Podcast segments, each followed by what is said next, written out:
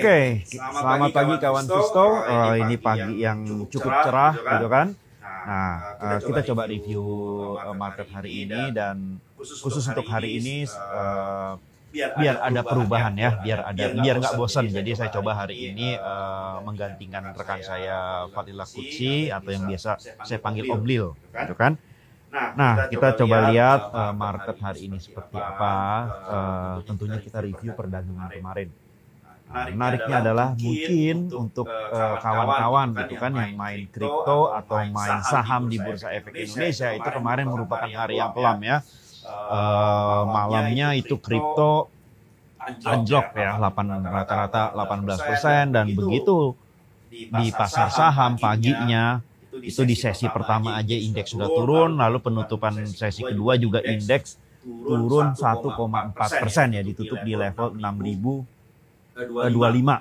Nah, kalau kita lihat investor asing sendiri mencatatkan posisi net sell 541,8 miliar rupiah ya. Ini cukup cukup lumayan besar dan kalau kita perhatikan saham-saham uh, yang dilakukan pelepasan oleh asing itu lumayan cukup cukup big cap. Pertama adalah BBRI ya. Ada net sell asing itu sekitar 307 Uh, miliar, lalu ada BCA sekitar 111 miliar dan ada sedikit MLPL itu 60 uh, miliar. Nah, sebenarnya apa sih yang membuat market kemarin uh, mengalami koreksi lumayan lumayan dalam ya itu? Nah, ini sebenarnya uh, kalau kita mau bilang biang keroknya adalah data consumer confidence. Jadi dari data dari Bank Indonesia consumer confidence di bulan Agustus itu turun ke level 77.3 PTS atau points Nah, kalau kita coba perhatikan bahwa level di bawah 100 itu menandakan terjadi kontraksi atau artinya adalah uh,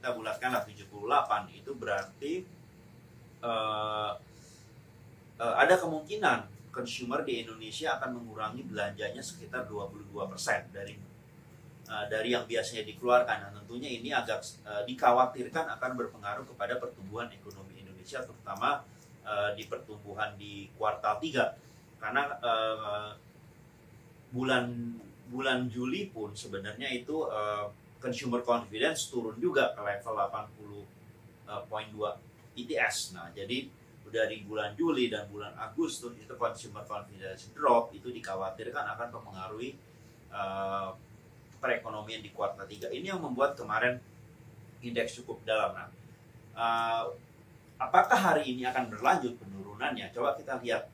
Karena mau nggak mau, apa yang terjadi di Wall Street semalam itu akan berpengaruh ke perdagangan hari ini. Nah, sayangnya Wall Street kemarin pun turun rata-rata uh, baik uh, Dow ataupun S&P itu turun sekitar 0,2 persen dan khusus untuk Nasdaq turun 0,6 persen. Kenapa? Turun ada dua hal. Satu terkait dengan uh, data ketenaga kerjaan, terutama job openings. Nah ini justru menarik. Da dari data yang keluar adalah banyak perusahaan atau UMKM lah, mereka membuka lowongan tapi tidak ada yang tidak ada yang reply gitu. Nah ini dikhawatirkan akan uh, mening uh, karena supply and demand tenaga kerja tidak seimbang ini mening- dikhawatirkan akan meningkatkan uh, apa uh, range dari gaji yang diminta atau salary yang diminta oleh para pekerja. Ujung-ujungnya adalah ini akan meningkatkan cost dari perusahaan dan kalau dia forward ke consumer akan menjadi inflasi. Itu poin pertama yang membuat Wall Street kemarin turun. Lalu yang kedua adalah data Facebook Nah, da data Facebook pun salah satu poin yang dikhawatirkan adalah ter memang terkait inflasi, tapi uh, the Fed lebih melihat dari sisi supply, khususnya adalah uh, dari kelangkaan logistik. Nah, nah uh, beberapa uh, data yang kalau kita ambil dari Bloomberg itu uh, data pengirim apa uh, harga pengiriman kontainer itu dari China ke Amerika atau ke Eropa itu rata-rata udah naik lima kali lipat. Ini akibat adanya kelangkaan dari kontainer. Ini yang membuat kekhawatiran adalah terjadi inflasi. Nah, itu akibatnya Wall Street semalam negatif. pagi ini uh, bursa Asia yang sudah buka juga rata-rata uh, mengikuti Wall Street itu terkoreksi juga. Nah, dikhawatirkan bahwa tentunya ini akan berpengaruh kepada IHSG. Nah, da, kalau dari uh, kami sendiri dari tim uh, investasiku kita melihat memang peluang IHSG hari ini melemah itu cukup cukup cukup ada. Jadi kita istilahnya adalah bergelak fluktuatif dengan kecenderungan melemah. Range IHSG itu kami perkirakan ada level 5985 sampai 6055. Nah, yuk coba kita lihat uh, grafik IHSG sendiri. Nah, di sini ini kalau kita lihat ini adalah grafik IHSG. Kemarin itu penurunannya bahkan sudah uh, dia sempat breakdown dari Donchian Channel. Saya pakai Donchian Channel 10 itu di uh, di Donchian Channel 10 itu angkanya ada di level sekitar uh, di level 6000. Nah, ini yang dikhawatirkan akan akan terjadi uh, minimal kalau rebound pun tidak bisa mencapai uh, highest kemarin di 6123 hal yang membuat negatifnya adalah satu dari kita lihat dari MACD-nya negatif dan kedua dari RS uh, RAS stokastiknya juga memberikan peluang untuk penurunan. Nah, jadi khusus untuk hari ini kami melihat memang uh, kalau kita berbicara probabilitas itu probabilitas indeks uh, terkoreksi itu masih ada walaupun tidak membuka kemungkinan dia akan rebound. Tadi kita melihat range-nya range sebawah di 5985 sampai 6000 55. Ini uh, range-nya. Lalu saham apa aja sih yang kita rekomendasikan untuk hari ini? Nah, melihat apa yang terjadi di Wall Street, pembukaan uh, indeks Asia pagi ini dan juga technical dari indeks sendiri, kami memang uh, untuk hari ini banyak lebih banyak merekomendasikan saham yang untuk dijual uh, di profit taking dibanding dari saham yang harus kita beli. Yang pertama adalah uh, kita melihat saham yang pertama ini adalah saham dari BMRI. Nah, BMRI untuk sementara kita rekomendasikan sell on strength. Itu um, exit levelnya di antara 6325 sampai 6250, bottom fishing di 61 sampai 6000 dan buyback di 6500. Nah, gimana sih grafiknya? Nah, ini kalau kita lihat BMRI ya. Kita masuk BMRI. Nah ini BMRI kemarin kan mengalami pelemah uh, koreksi. Kemarin uh, terkoreksi lumayan cukup cukup dalam, closingnya di 6250. Nah kenapa hari ini kita uh, merekomendasikan sell on strength? Ini satu, kalau kita lihat dari RSI stokastiknya ini udah tanda-tanda kemungkinan akan ber, akan terjadi uh, pelemahan. Nah alangkah lebih baiknya kita profit taking dulu. Lalu yang kedua adalah kita lihat saham ini adalah saham Link. Nah, ini mungkin satu dari dua saham yang kita rekomendasikan buy hari ini. Ya, jadi kalau untuk Link kita rekomendasikan hari ini adalah buy on weakness. Memang uh, area entry pointnya kita sarankan antara 4080. Cuman kalau memang yang nggak sabar tunggu sampai 4080, mungkin maksimal masuk di 4120. Nah, take profit uh, antara 4270 sampai 4300. Kalau prediksi investasiku agak meleset, kalau turun sampai ke level 4000, kami sarankan link uh, untuk cut loss. Jadi mungkin untuk kawan Visto yang kemarin sore ikut uh, webinar kita, itu kan selalu saya bilang ada entry point, ada exit point. Exit pointnya ada dua, take profit atau kalau kita salah pre proyeksi, ya kita stop loss dulu. Nah ini uh, grafik linknya. Gra uh, link kalau kita lihat dari perdagangan empat hari ter tiga empat hari terakhir itu breakout dari Donchian channelnya ini dari tanggal 2, tanggal 3 dan tanggal 7 itu dia break dari Donchian channelnya. Nah cuman kemarin karena market kurang mendukung, walaupun kemarin itu naik 0,54 persen, tapi dia uh, highestnya itu hanya di level sorry uh, ini linknya link Amerika nih ternyata. Oke, nah ini.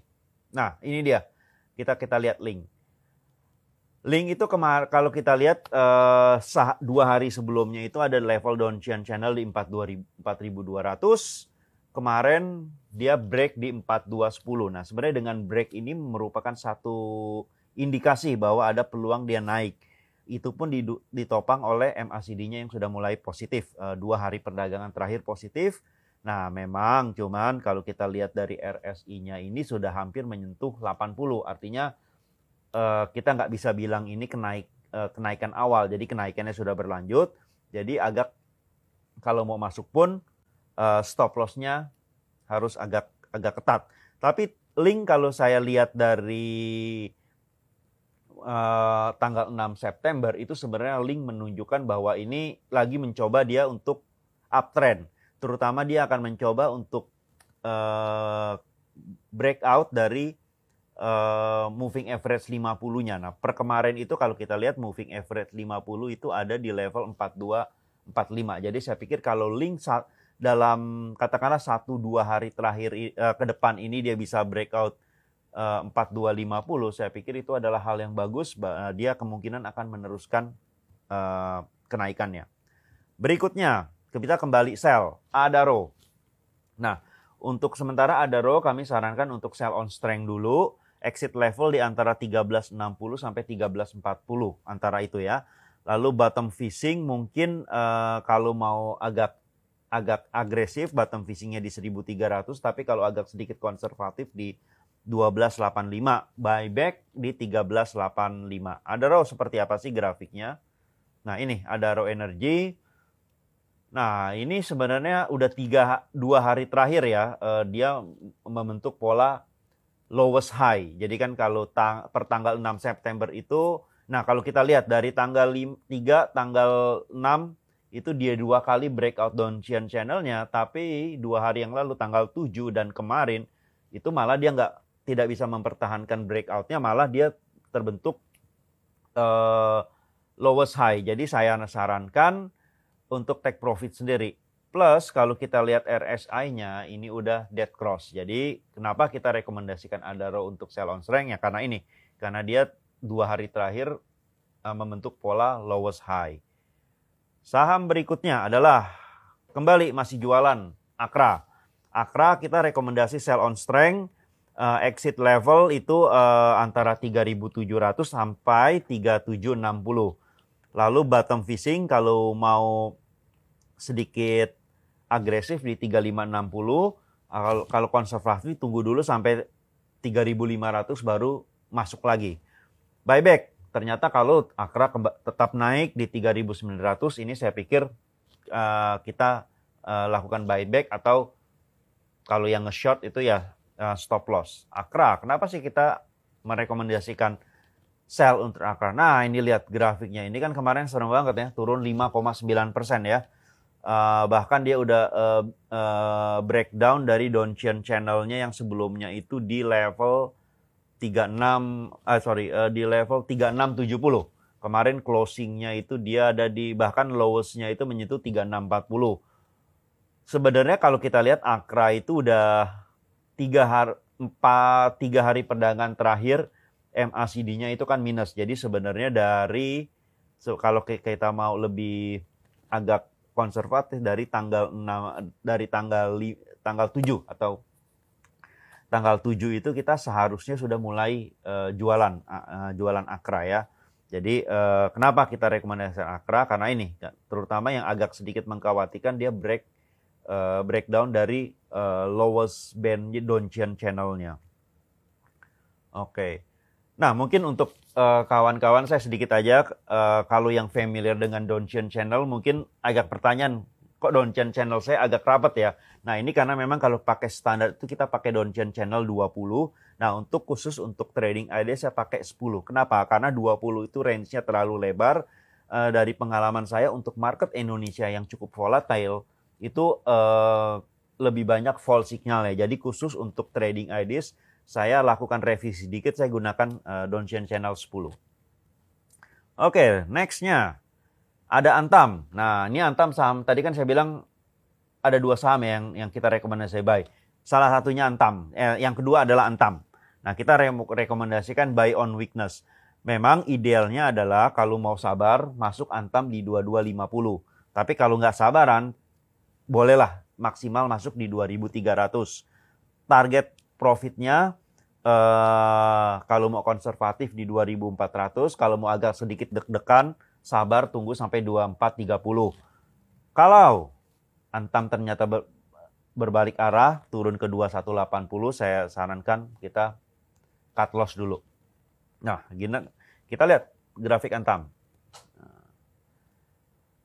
Ah, ini seperti ini Antam. Antam sebenarnya kalau boleh mau dibilang itu dari tanggal 20 Agustus itu pergerakannya sideways ya.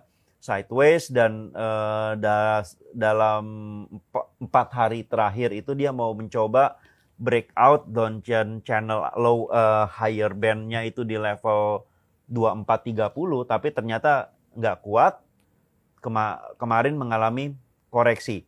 Nah, cuman menariknya adalah uh, karena kalau kita berbicara ini uh, sideways, kenapa kita rekomendasikan buy? Nah ini dia ditutup di bawah middle band dari downtrend channelnya. Nah kalau uh, MACD-nya sebenarnya masih masih hijau, berarti masih di atas nol ya. Nah makanya coba aja. Uh, harusnya sih biasanya kalau kita lihat ini masih sideways, dia ada peluang untuk rebound dan uh, eh, RS stokastiknya pun uh, nggak turun terlalu dalam. Nah, jadi memang Antam ini agak spekulasi. Tapi yang tadi saya bilang kalau memang kan dari dari tadi kan kita hari ini sahamnya jualan terus. Nah, kalau mau coba buy boleh Antam tapi sekali lagi tetap tadi uh, apa disiplin di cut loss. Turun di bawah 2180 uh, stop aja. Lalu berikutnya ada Oh ya, nah berikutnya tadi uh, ini Antam ya. Berarti Antam itu ada saham-saham yang yang yang terakhir kita kita rekomendasikan. Jadi kalau boleh saya sedikit uh, review uh, rekomendasi kita hari ini adalah ada ada ada ada ada row itu sell lalu ada lalu ada Akra, Akra juga tadi kita rekomendasinya Akraba, Akrasel, lalu ada Antambai, lalu tadi ada ada ada ada Inco juga. Oke, nah itu untuk uh, market hari ini. Jadi kalau saya coba write up adalah intinya uh, lebih baik memang kita tiga saham hari ini kita rekomendasikan untuk sell dan dua untuk buy. Kenapa? Karena memang saat ini kalau kita lihat uh, pergerakan IDHSG kemarin, lalu uh, Wall Street semalam dan pembukaan market Asia kok kayaknya uh, semesta ini mengatakan peluang koreksi lebih dalam daripada dia rebound. Tapi tetap ada dua saham. Oke, nah sekarang kita coba lihat yuk dari tadi ada ada ada ada saham apa aja sih yang ditanyakan. Nah ini menarik nih. Ada yang tanya saham sebentar, saya lihat-lihat dulu. Ada yang tanya sebentar. Oke, kok agak hilang ya? Hilang ini. Tadi kalau nggak salah ada yang tanya Tins ya. Oke, okay. uh, eh, saya coba lihat Tins. Mungkin untuk kawan Visto, uh, kalau ada yang mau nanya bisa masukkan pertanyaan lagi. Tadi saya baru sempat lihat ada pertanyaan tentang Tins. Nah, coba kita lihat dari uh, Tins sendiri. Tins seperti apa? Rekomendasinya. Nah, Tins. Oke. Okay. Tins ini sama pergerakannya sama seperti Antam kalau kita lihat dari tanggal 23 Agustus sampai kemarin itu sebenarnya dia bergerak di trading range. Trading range itu kalau kalau kita boleh bilang saat ini dia ada di, antara di 1540 sampai 1430. Nah, e, kalau mau agak sabar, saya pikir tunggu mendekati level 1430, katakan li 1435. Nah, kita lihat e, stokastiknya seperti apa boleh boleh um, bisa masuk posit. Nah ini yang memang kalau kita lihat MACD-nya memang agak sedikit melemah, RSI-nya sedikit uh, sudah mulai agak turun. Khusus untuk TIN, saya pikir sabar dulu, tunggu satu dua hari ini. Kalau dia bisa uh, kuat atau tidak bis, tidak uh, turun di bawah 1430 yang merupakan lower band dari uh, Donchian Channel, dan kalau stokastiknya agak sedikit naik atau MACD-nya kembali naik, nah itu boleh masuk. Ya, ya, tapi untuk sementara untuk hari ini saya sarankan TINS uh, di hold dulu, lihat perkembangan 1-2 hari. Lalu tadi ada MLPL. MLPL. Nah, MLPL ini menarik, multipolar ya. Oke, multipolar ini kemarin volumenya ini cakep sekali, RSI-nya juga menarik sekali dan satu yang selalu saya selalu suka adalah dia breakout dari Doncian channelnya upper late, uh, upper channelnya. Ini sebenarnya kalau dia breakout itu merupakan tanda bahwa dia mencoba untuk masuk ke uptrend. Gimana caranya kalau untuk MLPL? Saya pikir MLPL boleh juga uh, kalau mau masuk MLPL boleh uh, spekulat. Ini memang udah trading buy. Uh, target terdekat itu ada di uh, dia mencoba uh, mendekati MA50-nya di level 5 uh, 580 lah, sekitar 50 80. Jadi kalau mau masuk dari MLPL boleh targetnya di 580. Tapi nah ini tapinya nih. Kalau dia uh, turun di bawah 480 itu stop loss. Oke, okay, MLPL. Tadi ada yang nanya behit ya kalau nggak salah ya. Oke, okay. behit. Behit seperti apa? Nah, untuk Behit, uh, saya pikir kemarin ini dia breakdown dari lower band uh, downtrend channelnya. Untuk sementara saya saya melihat MACD-nya ini boleh dibilang tiga hari terakhir juga masih turunnya cukup dalam. Stokastiknya juga belum ada tanda-tanda rebound. Jadi untuk sementara Behit ditahan dulu. Kita lihat perkembangan satu dua hari karena beberapa indikator yang ada menunjukkan bahwa pelemahannya ini masih akan terus. Lalu BEX. BEX. Nah, untuk BEX. Nah, untuk BEX ini dia kemarin turun nah, sekitar 1,87 persen. Dia juga eh, menyentuh ke middle band dari downtrend channelnya. MACD-nya turun. Nah, terutama stokastiknya menunjukkan tanda-tanda koreksi. Oke. Okay? Uh, untuk sementara BEX ini sebenarnya menarik. Kemarin dia breakout downtrend channelnya tapi closingnya agak agak rendah. Nah ini kalau mau sedikit spekulasi, saya pikir uh, tetap saya melihat BEX uh, tunggu satu dua hari lagi karena memang belum ada sinyal kemarin kemarin itu baru uh, koreksi hari pertama. Jadi kemungkinan masih akan ada satu dua hari koreksi. Nah Masuknya di level berapa? Nah, saya pikir kalau BEX itu udah mendekati ke ke ke uh, uh, 100 itu boleh mulai boleh dilirik lagi. Itu uh, kalau kita lihat di lower band dari Donchian Channel ada di 98.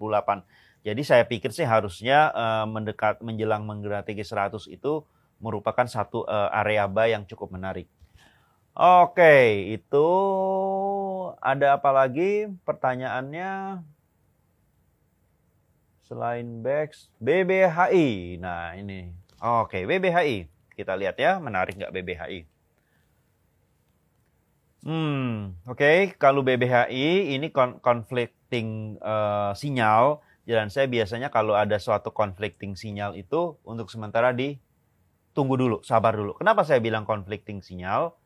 Di satu hal kita lihat ini moving average 50-nya naik, tapi moving average 10-nya turun. Jadi ada kalau istilahnya dead cross. Artinya apa? Artinya penguatan yang terjadi dari 9 Juni kemarin itu sebenarnya sudah mulai patah. Patahnya itu adalah uh, ya kemarin itu patahnya pada saat moving average 10 dia uh, cross down dari moving average 50. Nah, setelah itu kalau itu terjadi biasanya kita tunggu dulu. Tunggu apa yang terjadi, apakah dia akan akan terus turun atau sideways. Kalau dia sideways mungkin kita bisa tektok pakai swing. Tapi kalau turun terus ya kita tunggu aja. Kenapa tadi saya bilang conflicting? Moving average, uh, apa dead cross, RSI juga dead cross. Tapi kalau kita lihat MACD histogramnya itu kok kelihatannya masih naik. Nah ini yang uh, yang menurut saya saya kurang suka uh, beberapa indikator conflicting. Uh, kalau mau buy, semua indikator menunjukkan buy. Kalau mau sell harus semua sell. Kalau conflicting itu artinya apa?